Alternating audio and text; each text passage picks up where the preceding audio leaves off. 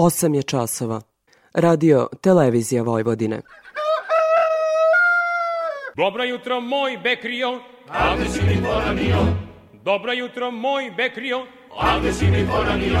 Ta kako ne bi poranio kad upravo počinje emisija Radio Novog Sada. Poljoprivredno dobro. Radio magazin za poljoprivredu i selo. Pred mikrofonom je Stevan Davidović.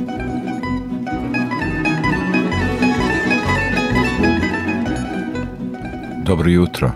Usevi na njivama dobro napreduju, ali tržište ne miruje. Šta se događalo sa cenama primarnih poljoprivrednih proizvoda u ovoj, ali kakva su predviđanja za narednu godinu, pitanje je koje zakuplja naše ratare. O tome, ali i zašto u posljednje vreme padaju cene na berzama, govorimo u temi emisije. Za uvod izdvajamo mišljenje agroekonomskog analitičara Žarka Galetina u vezi sa pšenicom, koja je ne bez razloga izbor sve većeg broja ratara – ako mene sada pitate e, kakva je posledica praktično e, dešavanja u prošloj godini, pa najneposrednija posledica jeste upravo odgovor poljoprivrednih proizvođača šta se to njima najviše isplatilo prošle godine da seju. To je pšenica. Naj, da kažem, eksplicitniji odgovor jeste u tome što su oni ove godine posle oko 700.000 hektara. To je najveća površina pod pšenicom koja se u poslednje vreme pamti i oni jednostavno u ovom trenutku imaju najveće, najveće poverenje u pšenicu jer je to roba koja je pokazalo se najbolji odnos ulaganja i e, prodaje, da tako kažem, konačne cene. U emisiji vas po običaju očekuju izveštaj sa tržišta ne samo ratarskih proizvoda, već i sa tržišta žive stoke. Govorit ćemo i o životu sela i drugim aktuelnostima. U Master centru Novosadskog sajma održana je druga konferencija Poljoprivrednik nove generacije – u organizaciji istoimenog udruženja sa ciljem da se poljoprivrednici iz cele Srbije na jednom mestu informišu i upoznaju sa novim trendovima u agraru. O tome takođe govorimo u nastavku emisije. Pre najavljenih tema i izveštaja sledi muzika pa izveštaj agrometeorologa –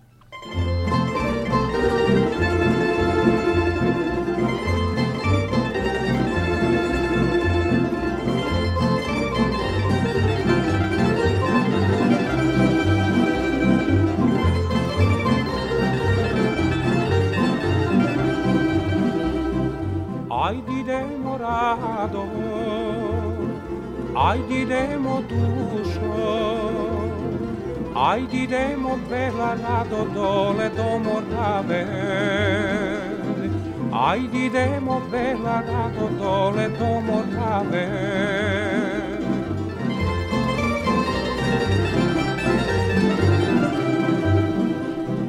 Da vidimo rado, da vidimo dušo, da vidimo perla rado kako čamac plovi.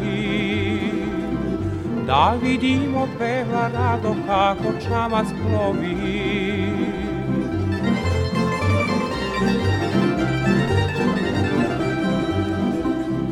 Čamac plovi rado, čamac plovi dušo, čamac plovi bela rado, a krmar govori. Čamac plovi bela rado, a krmar govori. Ne udaj se rado, ne udaj se dušo, ne udaj se bela rado, još si dete mlado. Ne udaj se bela rado, još si dete mlado.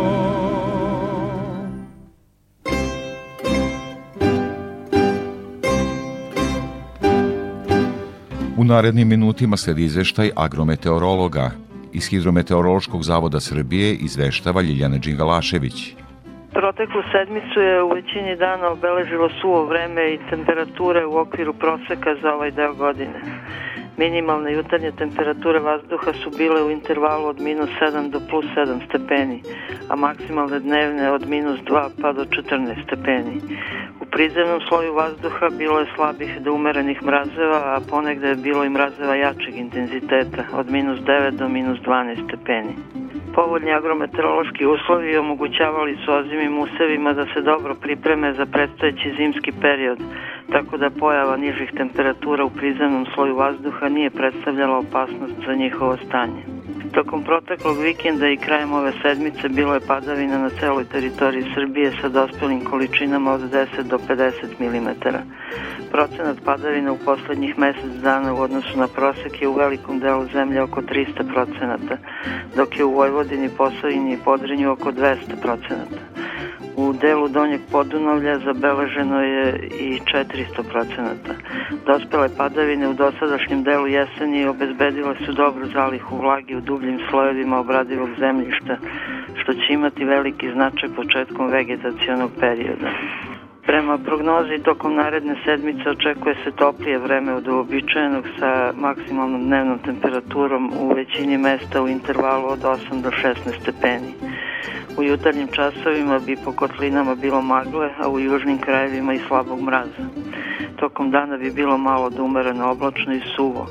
Samo se u utorak prognozira prolazno na oblačenje sa kišom i padom temperature uz pojačan zapadni i severozapadni vetar. Za radio Novi Sad iz Republičkog hidrometeorološkog zavoda Ljiljana Đingalašević.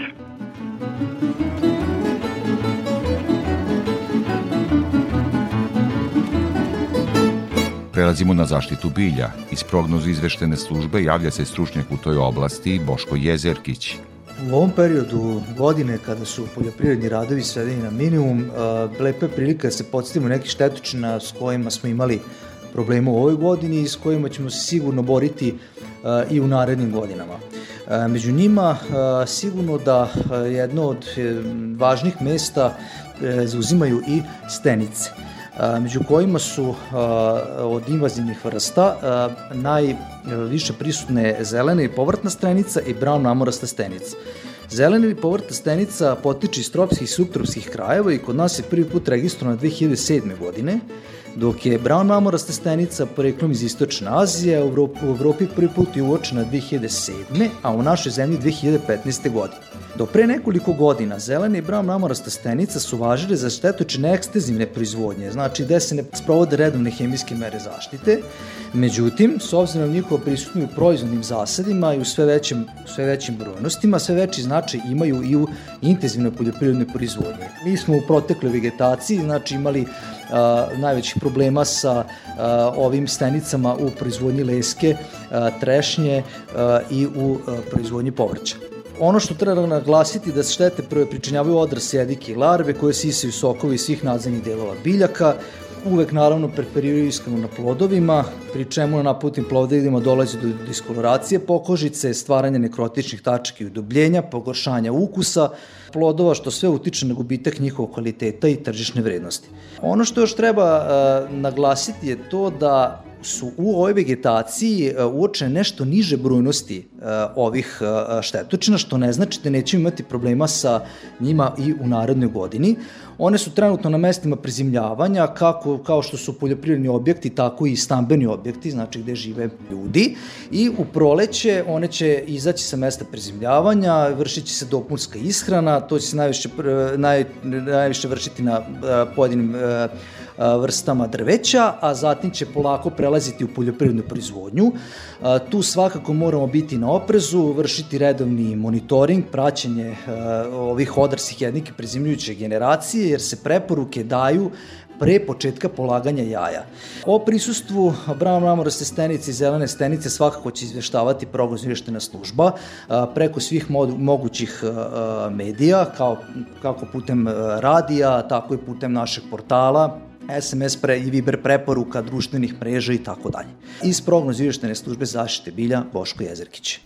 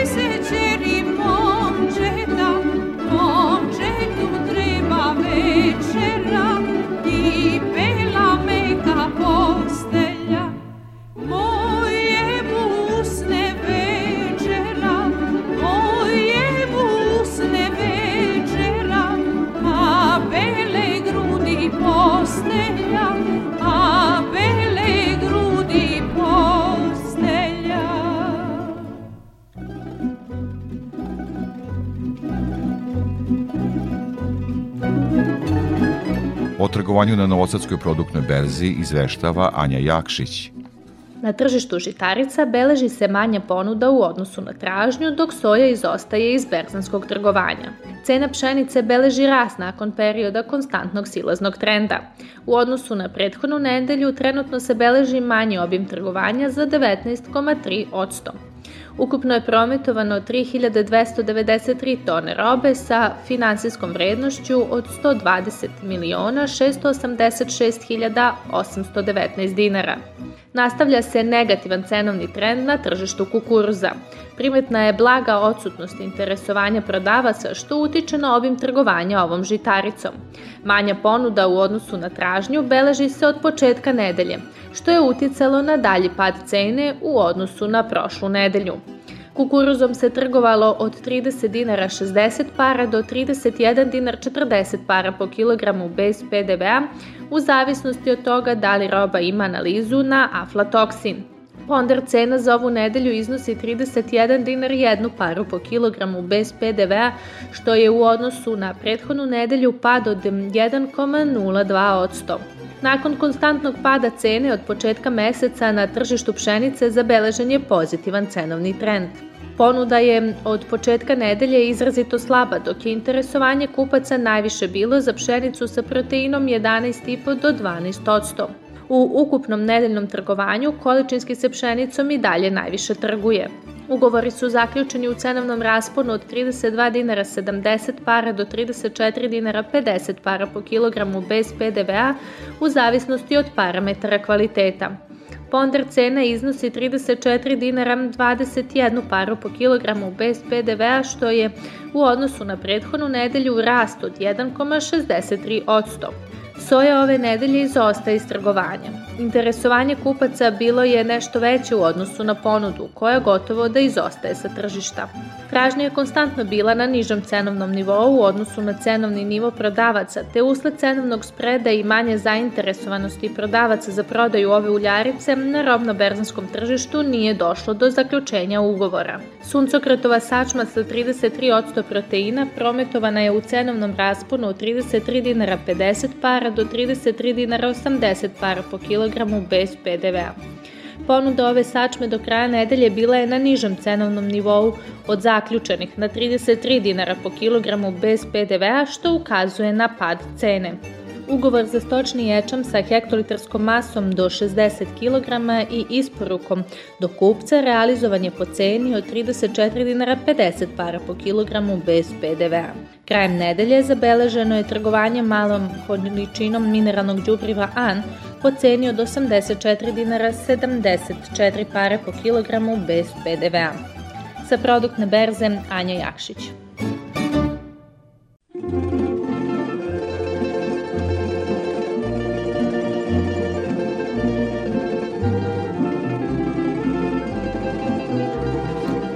Kao i svake nedelje pratimo izveštaj o cenama sa tržišta žive stoke. Iz Infotim Logistike Gordana Jeličić.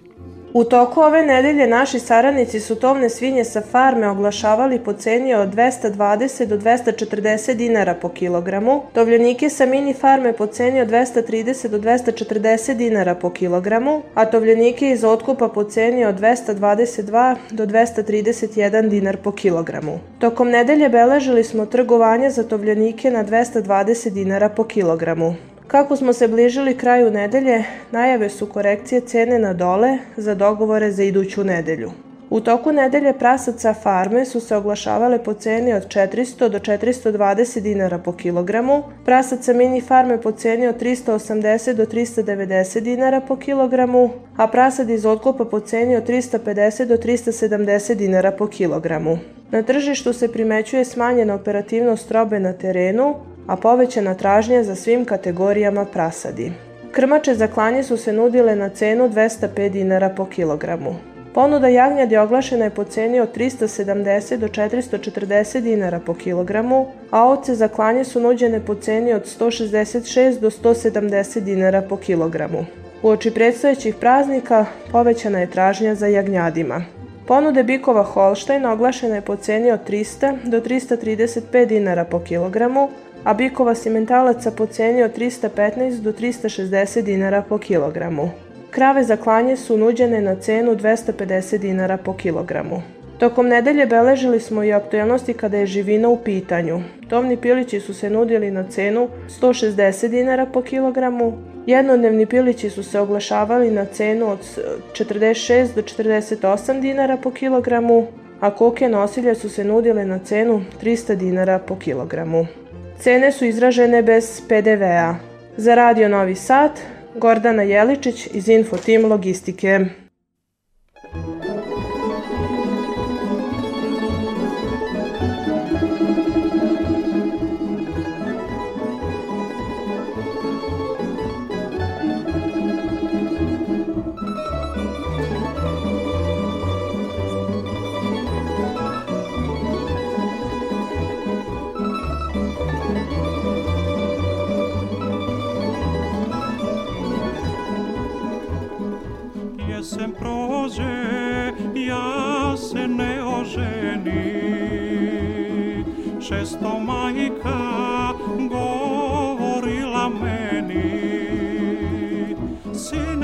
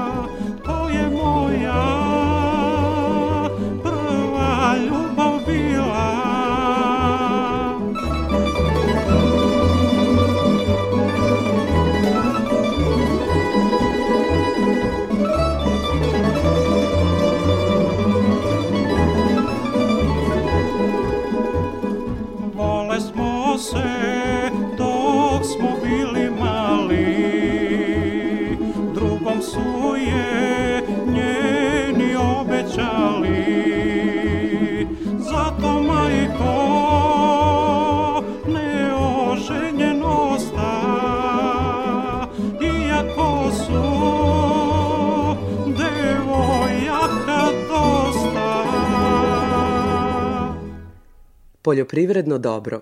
Radio Novi Sad. Tema emisije.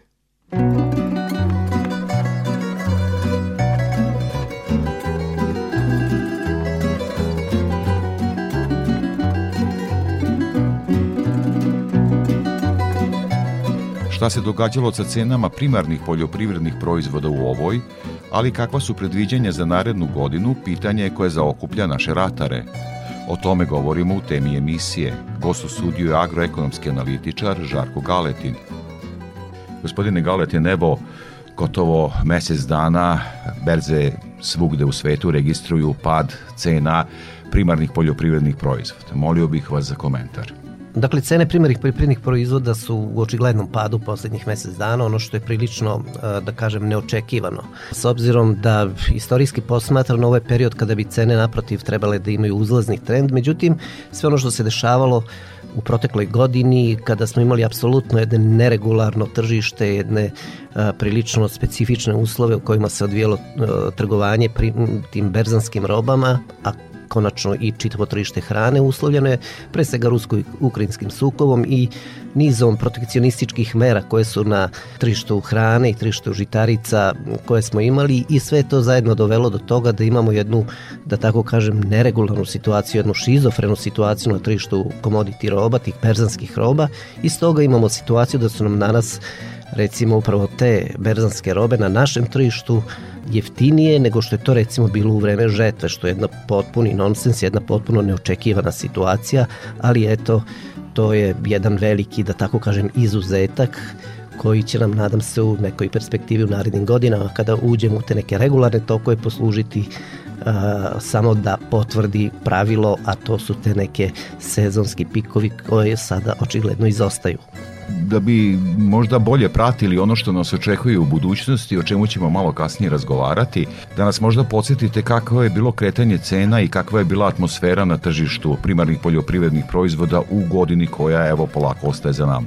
Dakle, ovu godinu ćemo pre svega upamtiti po tome što smo imali apsolutne cenovne maksimume, te pikove, kako mi to kažemo, tamo negde u martu mesecu ove godine, kada je tržište eksplodiralo neposredna posledica, dakle, rusko-ukrajinskog sukova, dakle, imamo situaciju sa dve, dva, dve najveće agrarne sile Evrope praktično ušle u otvoreni rat i dovelu, što je dovelo u pitanje plasmana njihove robe, to su Rusija najveći proizvođač pšenice u svetu, Ukrajina je najveći proizvođač suncokreta u svetu i sve to zajedno kada imate jednu, jedan takav, jednu takvu veliku, da tako kažem, količinu robe koja je bila praktično povučena sa tržišta, onda su se desile te takve situacije kakve su se desile, pri čemu je tu bio prisutan i taj logistički problem, problem transporta, pristupačnosti crnomorskih luka i tako dalje, da sada ne ulazimo duboko u tu materiju i sve to zajedno dovelo do jednog naglog skoka cena u martu mesecu kada smo imali apsolutne cenovne rekorde i pšenice i kukuruza i suncokreta i soje. Kasnije e, je taj visoki nivo cena bio održavan na nešto malo nižem nivou, da bi sada po nekom potpisivanju tog sporazuma o dostupnosti tih ukrajinskih e, crnomorskih luka, Odese, Marijupolja, Černomorska, došlo praktično do relaksacija na neki način i da sada konačno imamo čak i jednu preveliku ponudu prilično nekvalitetne pšenice i nekvalitetnog kukuruza na, na tržištu, pre svega iz tih crnomorskih luka, što je konačno dovelo i do ovog sad, da kažemo, pada cena u vreme e, kada smo najmanje očekivali i kada bi u principu, kao što sam malo pre rekao, očekivali da ćemo imati neki sezonski rast cena, mi sada praktično imamo pad upravo zbog velikog pritiska ponude te robe koja je sada na neki način oslobođena i izložena e, celom tržištu.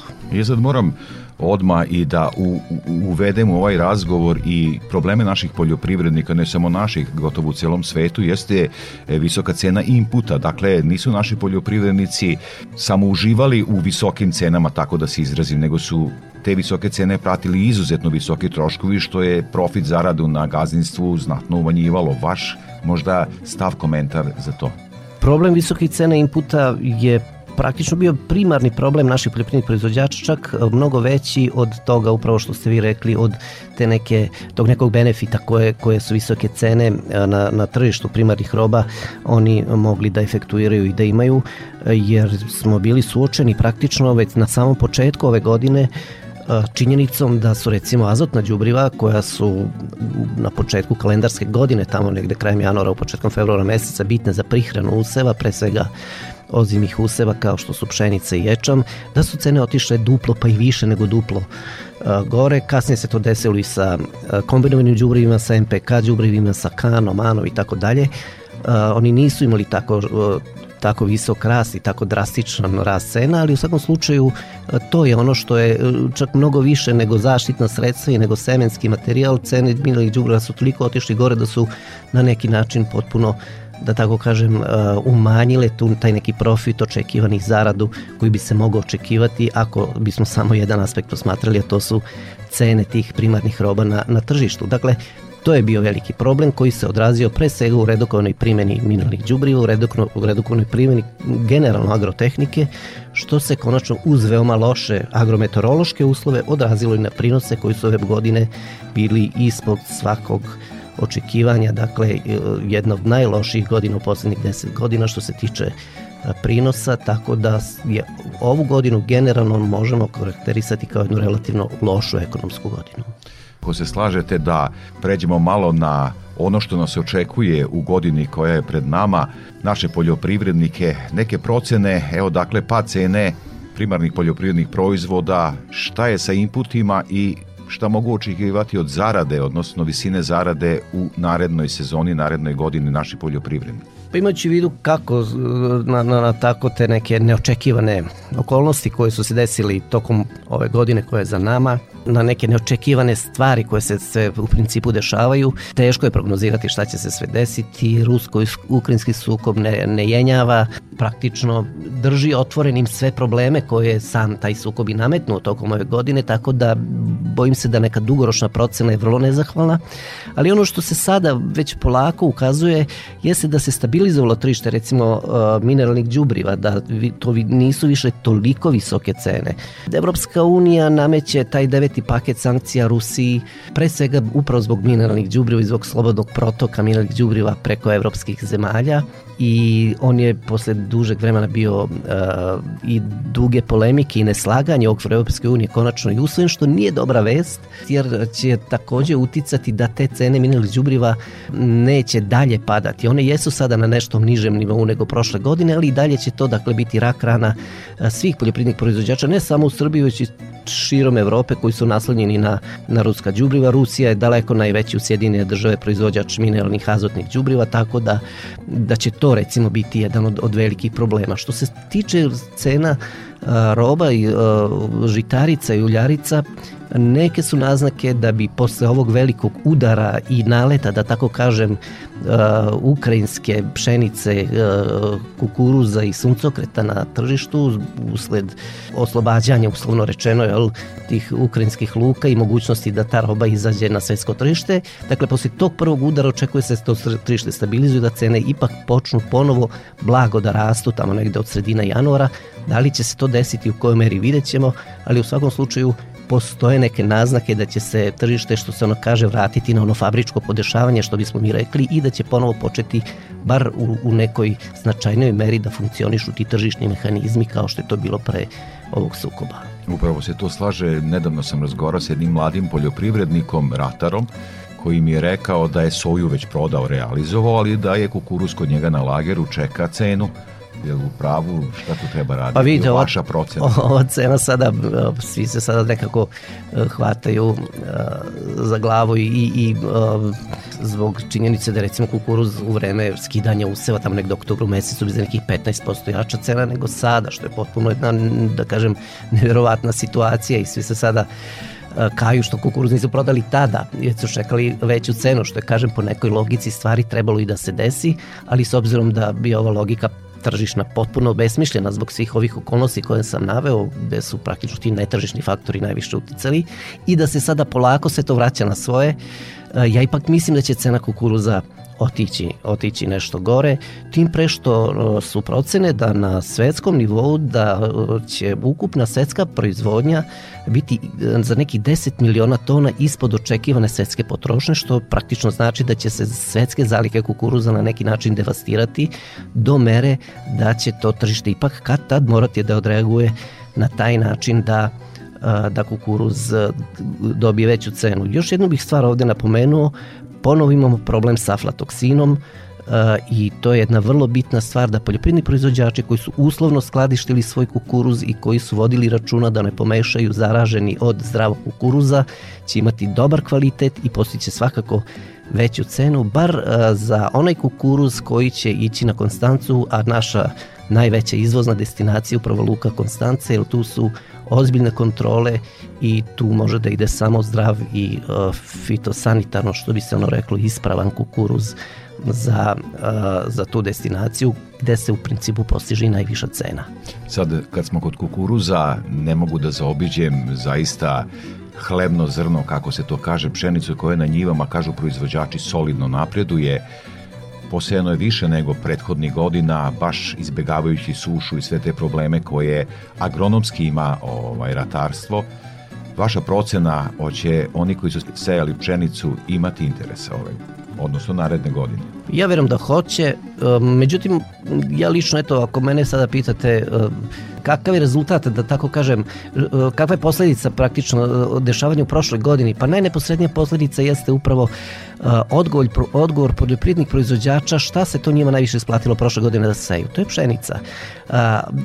Naj, da kažem, eksplicitniji odgovor jeste u tome što su oni ove godine poslali oko 700.000 hektara. To je najveća površina pod pšenicom koja se u poslednje vreme pamti i oni jednostavno u ovom trenutku imaju najveće, najveće poverenje u pšenicu jer je to roba koja je pokazalo se najbolji odnos ulaganja i prodaje, da tako kažem, konačne cene se je upravo kod, kod pšenice. Pšenica koja u principu je jedna ekstenzivna kultura i ne zahteva tako intenzivan uzgoj kao što je to slučaj kod kukuruza, recimo šećerne repe i tih intenzivnih kultura i dakle upravo taj odnos ulaganja i prodajne cene je bio najbolji kod pšenice i poljoprivredni proizvođači to pamte. Pšenica je konačno kultura koja se skida početkom jula meseca, a već unazad nekoliko godina, pogotovo u poslednje dve godine, smo imali a, situaciju da su upravo juli i avgust meseci bili ti meseci kada smo imali najmanje padavina i kada je bila najviša temperatura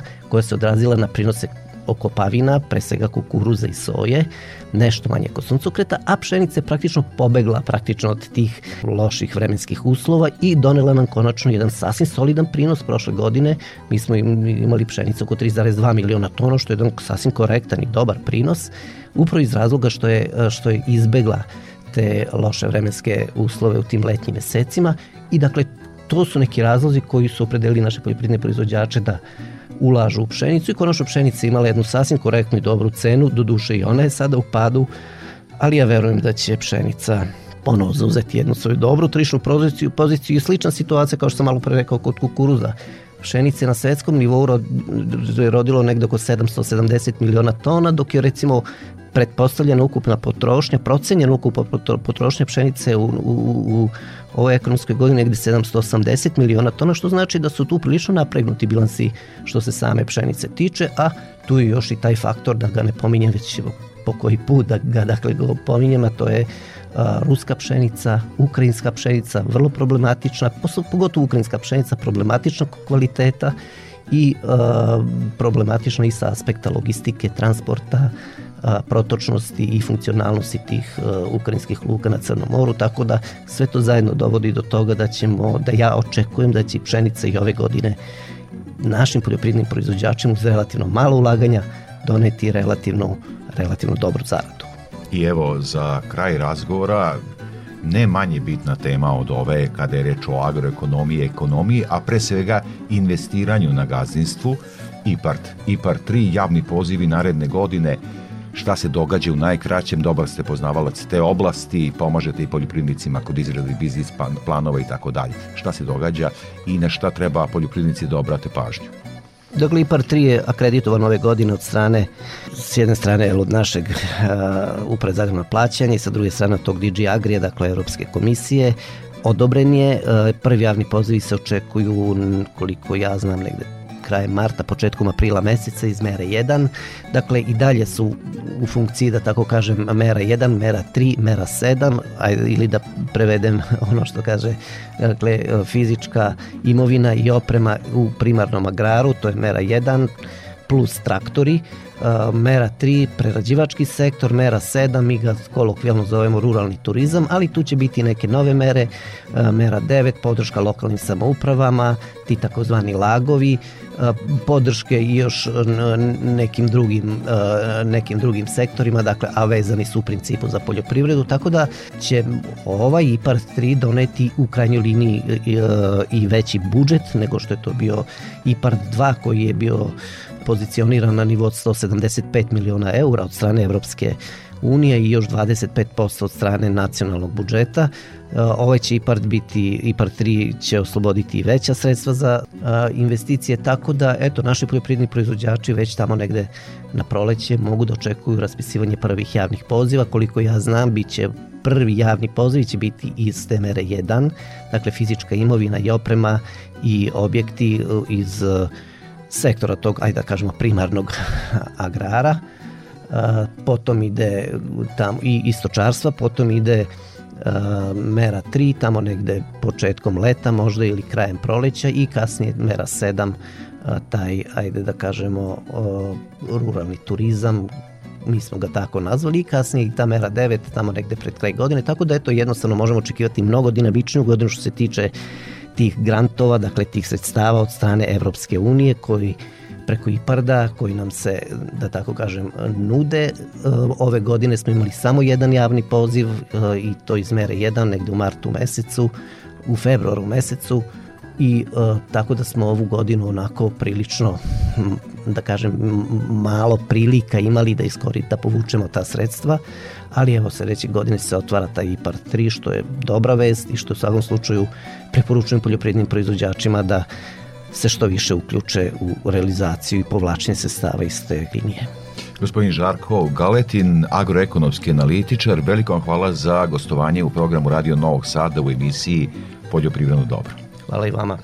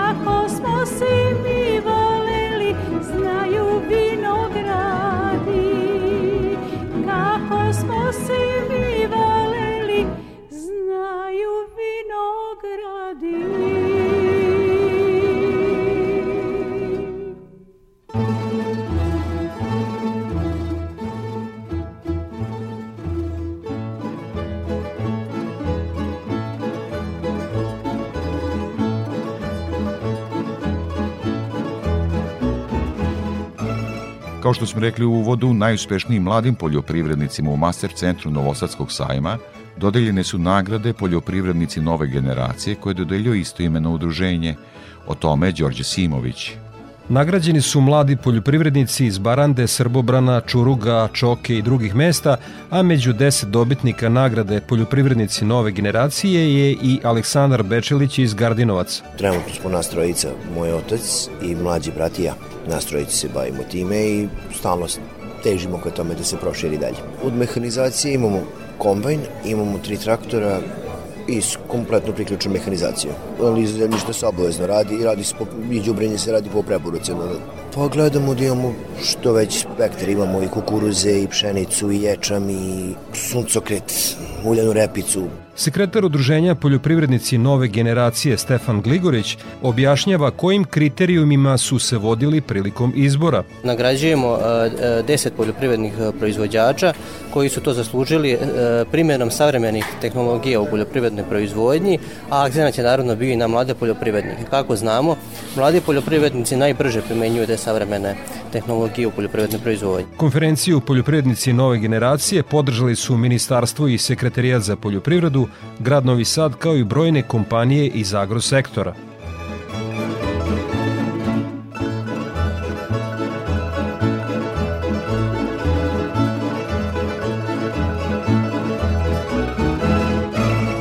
Za očuvanje sela i mladih neophodno je da se još u porodici najmlađi zainteresuju za tradiciju. U suprotnom, savremeni način života ugasit će mnoga sela. O tome sam nedavno razgovarao sa predsjednicom udruženja žena Novoseljanke iz Banatskog Novog sela, Snežanom Baba. Koliko to udruženje već postoji, koliko dugo radite? Udruženje postoji, osnovani smo krajem 2014. godine, brojimo oko 20 članica, što stalnih, što povremenih i jako veliki broj onih koji da kažem, saradnika sa strane. Žene se bave, znači, svim onim što se bave žene i u drugim udruženjima, a to je tkanje, heklanje, pletenje, ručni radovi, kao naravno i gurmanski neki specialiteti. Evo ovde na sajmu etnohrane u Beogradu, čime se predstavljate? A, ovde se predstavljamo sa domaćim hlebom, znači banatski hleb. A, mi takođe imamo i manifestaciju koja je održana po osmi put ove godine. A, isto imena manifestacija znači banatski hleb i kao takva je jedinstvena u Srbiji jer je posvećena isključivo i samo hlebu. Znači predstavljamo se sa tim hlebom.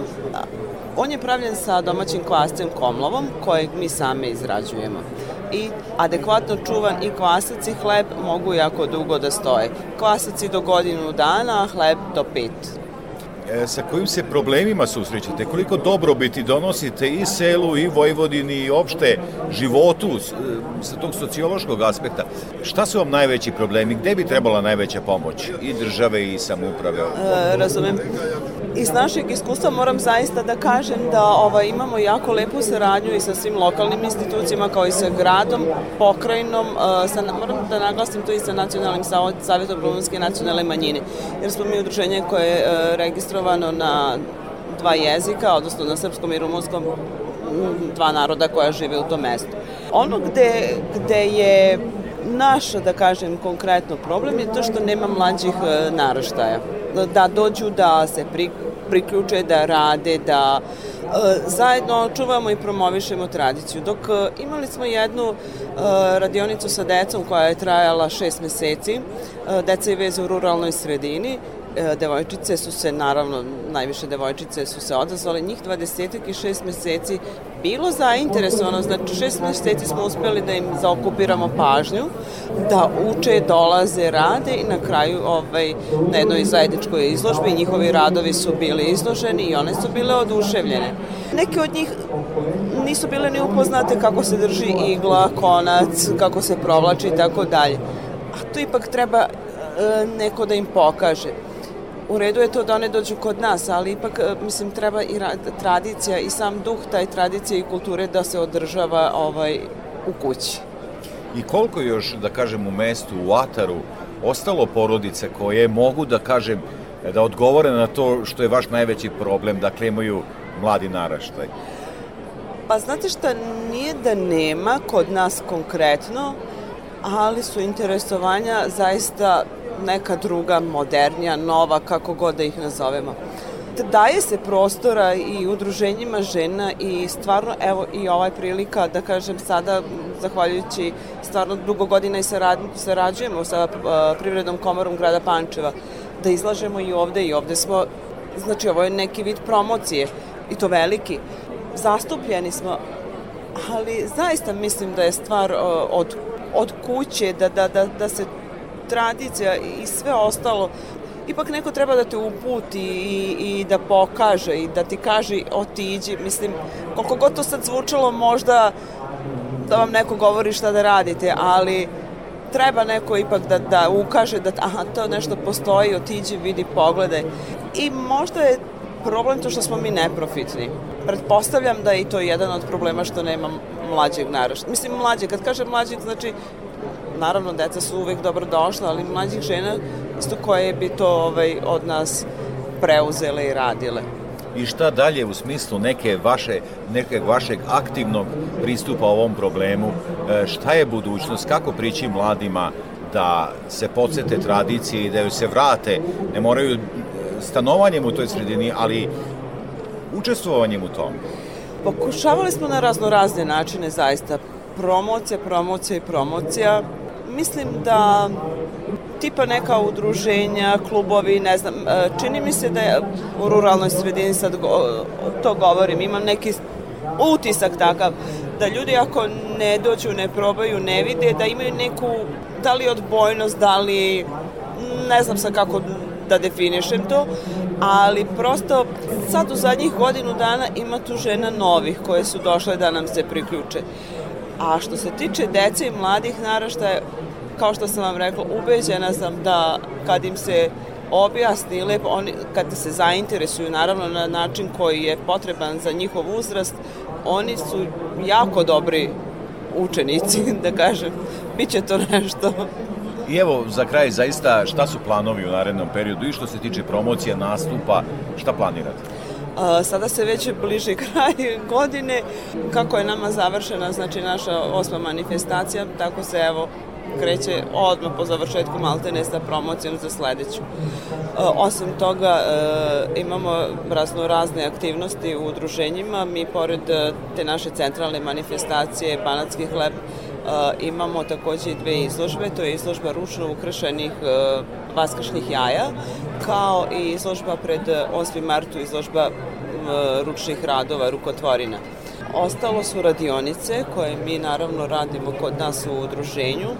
Učestvovanje na, ra na raznim zaista sajmovima, izložbama, e, čak i u knjigama koje su ve, se po, spominjemo koje su vezane za ili gastronomske ili rukotvorina, tako da imamo jako puno aktivnosti i ne znamo sad ovako više nemamo možda ni vremena. Ne možemo sve ni nekad ni da stvarno onako da postignemo, ali nadamo se evo i ovom prilikom pozivam sve koji su zainteresovane naše sugrađanke neka nam se priključi. Verujem da će ta tradicija zaista izvanredan hleb, ja mogu samo da prenesem ovako rečima Hvala. da je to izvrsno, stići do naših slušalaca i da će oni se posjetiti tradiciji. Veliko hvala za ovaj razgovor. Hvala vama. Srećan želim. Hvala.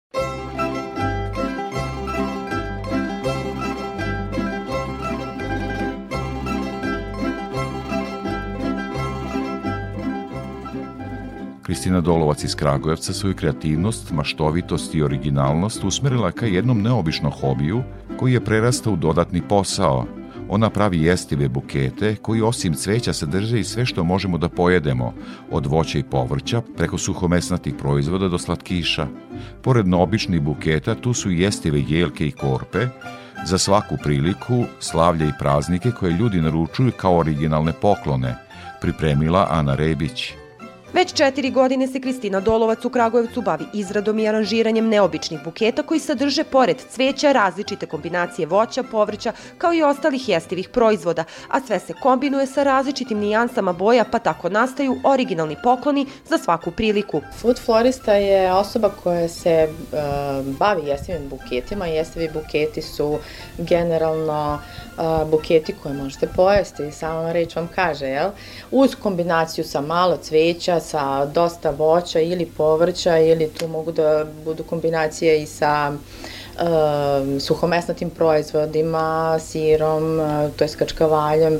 Znači, apsolutno sve što može da se pojede možemo da stavimo u bukete. Ideja je potekla iz Rusije. Kristina je čak i uplatila dva online kursa kako bi savladala vištinu izrade ovih neobičnih buketa. Rusi su to izmislili čisto dosadilo je da, dosadilo im je da ovaj, poklanjaju obične bukete, pa su eto tako izmislili ovaj, taj jestevi koji je super, ali e, kod njih je to malo širi opseg svega toga jer oni stvarno stavljaju sve i svašta. Ovde kod nas to baš i ne bi prošlo, ali ovo što ja radim prolazi vrlo lepo. Uglavnom se radi tehnika sa štapićima, štapići koji se ubadaju u bilo koji proizvod koji koristimo u buketu. Postoji osnova, znači to je uglavnom stiropor na koji se slaže od ozgo, Ovaj, naravno ja radim i jestive aranžmane, to su korpe i za bebe i svašta nešto. U svemu joj pomaže šestogodišnja čerka Emily. Najviše volim da pravim bukete sa mamom. Zbog čega? Zato što su najbolji. Koji ti najviše voliš buket? Onaj koji mi mama poklonila sa slatkišima. Znači ti najviše voliš uh, slatki buket?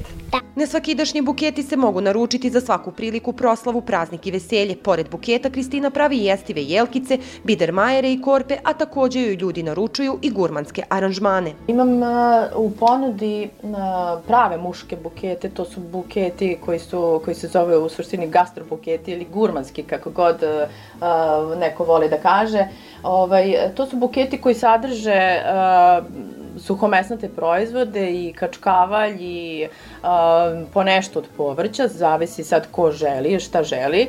Može doći u obzir i flaša dobrog vina ili nekog drugog pića. Ja imam bukete koji su samo od voća ili samo od povrća, čak i bukete koji su ta, sa testeninom, sa svim dodacima što možete da napravite testeninu, sve to možete da iskoristite. Posni buketi u suštini su od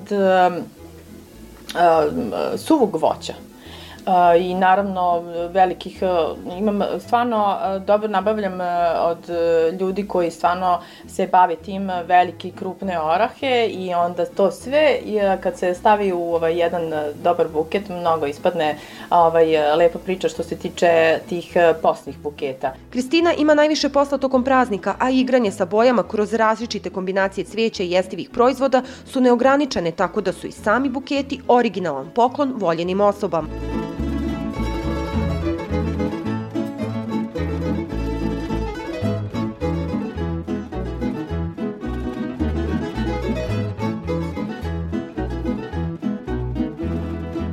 Emisija Barazda, koja se emituje na drugom programu naše televizije na mađarskom jeziku, doživela je 2000. izdanje. Odlično je uređuju kolega Ištvan Baliži i Andra Štot. Redakcija za poljoprivredu na mađarskom jeziku oformljena je 1968. godine i u početku je radila kao dopisništvo televizije Beograd. Za Radio Novi Sad Ištvan Bališ govori kako nastaje njihova emisija.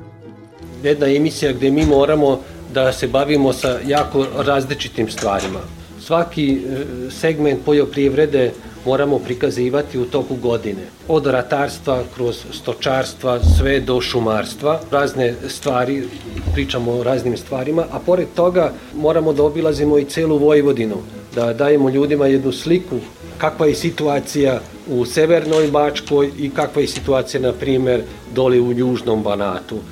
Pored ovih stvari mi moramo da pratimo inovacije, digitalizacija, kako sad to moderno kažu, kakvi su rezultati u semenarstvu, u nekim istračivačkim oblastima, o poljoprivrednoj mehanizaciji, koji su noviteti.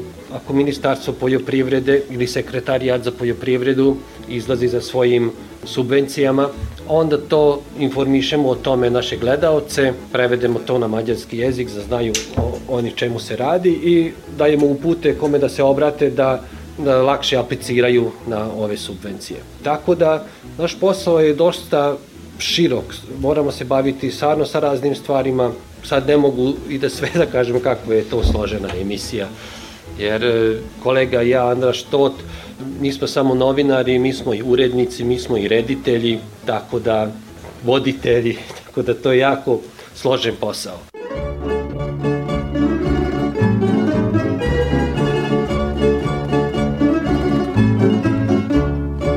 Pred kraj emisije još jednom prognoza za narednu sedmicu. Iz Hidrometeorološkog zavoda Srbije, Ljiljana Đingalašević. Prema prognozi tokom naredne sedmice očekuje se toplije vreme od uobičajenog sa maksimalnom dnevnom temperaturom u većini mesta u intervalu od 8 do 16 stepeni. U jutarnjim časovima bi po kotlinama bilo magle, a u južnim krajevima i slabog mraza. Tokom dana bi bilo malo od umereno oblačno i suvo. Samo se u utorak prognozira prolazno na oblačenje sa kišom i padom temperature uz pojačan zapadni i severozapadni vetar.